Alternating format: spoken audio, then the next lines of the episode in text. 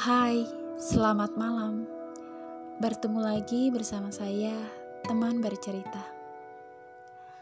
Pada kesempatan kali ini, saya akan sedikit berbagi tentang sesuatu yang menurut saya kerap kali terjadi, khususnya pada kita yang masih dikatakan remaja atau meranjak dewasa. Dan sesuai judul podcast kali ini itu tentang untuk yang merasa sedang tidak baik-baik saja. Ini untuk kamu yang selalu merasa lesu, yang kerap kali merasa orang yang paling sedih, yang kerap kali merasa orang yang paling tersakiti, yang kerap kali merasa orang yang paling banyak masalah.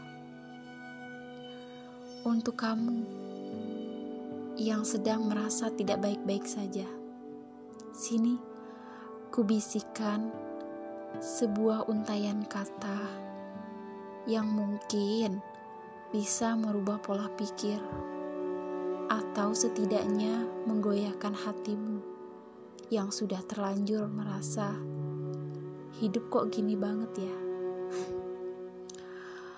Oke,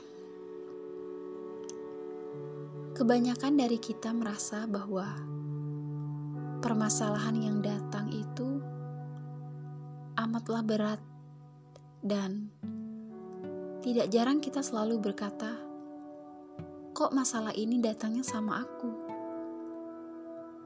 Kok aku selalu dihantui oleh cobaan-cobaan yang bahkan aku sendiri nggak sanggup untuk menjalaninya?" Bahkan, tidak jarang juga kita berpikir seperti ini. Kenapa Tuhan tidak begitu adil dengan memberikan cobaan yang begitu besar? Kepadaku, hanya kepadaku.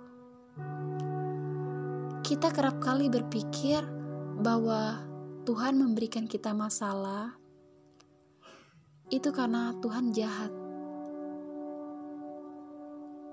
Namun ketahuilah bahwasannya di balik setiap permasalahan yang kita lewati itu berarti Tuhan sedang mengokohkan pundak kita agar bisa berdiri lebih, lebih tegap, mengokohkan kaki kita agar bisa berdiri lebih tegak. Bukankah setiap dari kita mempunyai kekuatan kaki yang berbeda? Apakah kita yang dengan kakinya utuh bisa disamakan dengan mereka yang kakinya lumpuh? Tentu tidak bisa. Begitulah cara Tuhan memberikan kita cobaan. Bagaimana kaki kita itu akan mempengaruhi berat beban yang Allah berikan. Jangan pernah menjadi seseorang yang merasa paling tersakiti. Jangan pernah menjadi seseorang yang paling dihina. Kita hidup Tugas kita adalah menjalani, menikmati proses, dan menyeimbangkan antara dunia dan akhirat. Tuhan tidak menuntut kita untuk selalu. Tuhan tidak menuntut kita.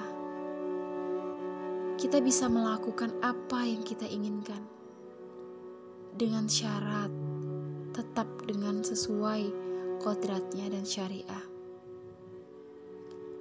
Lantas mengapa kita sering mengeluh, sering berputus asa? Itu karena hati kita yang tidak bersyukur, hati kita yang busuk, hati kita yang tidak menyadari bahwa ujian yang diberikan oleh Tuhan itu sebenarnya adalah untuk diri kita sendiri.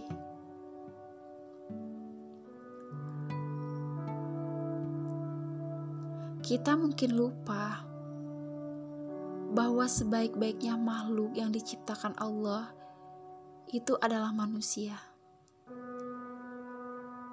Berarti, secara logika kita bisa berpikir, jika kita adalah makhluk yang lebih baik, yang lebih sempurna dari berbagai ciptaan Tuhan berarti ada sesuatu yang istimewa dalam diri kita. Lantas apa? Di situlah tugas kita mencari tahu apa yang bisa membedakan kita dengan makhluk lainnya.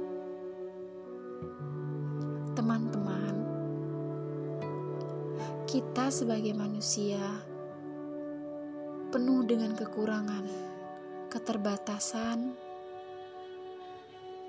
tetapi itu tidak menjadikan kita sebagai sesuatu yang terkekang atau sesuatu yang tidak bisa menjalankan apa yang kita inginkan.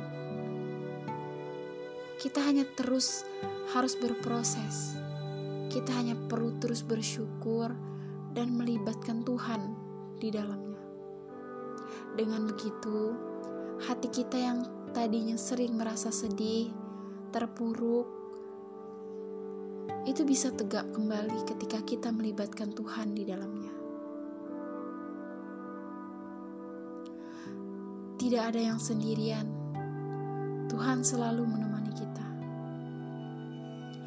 Jika hari ini kita bersedih, ketahuilah bahwa ada hari bahagia untuk esok, karena Tuhan ada.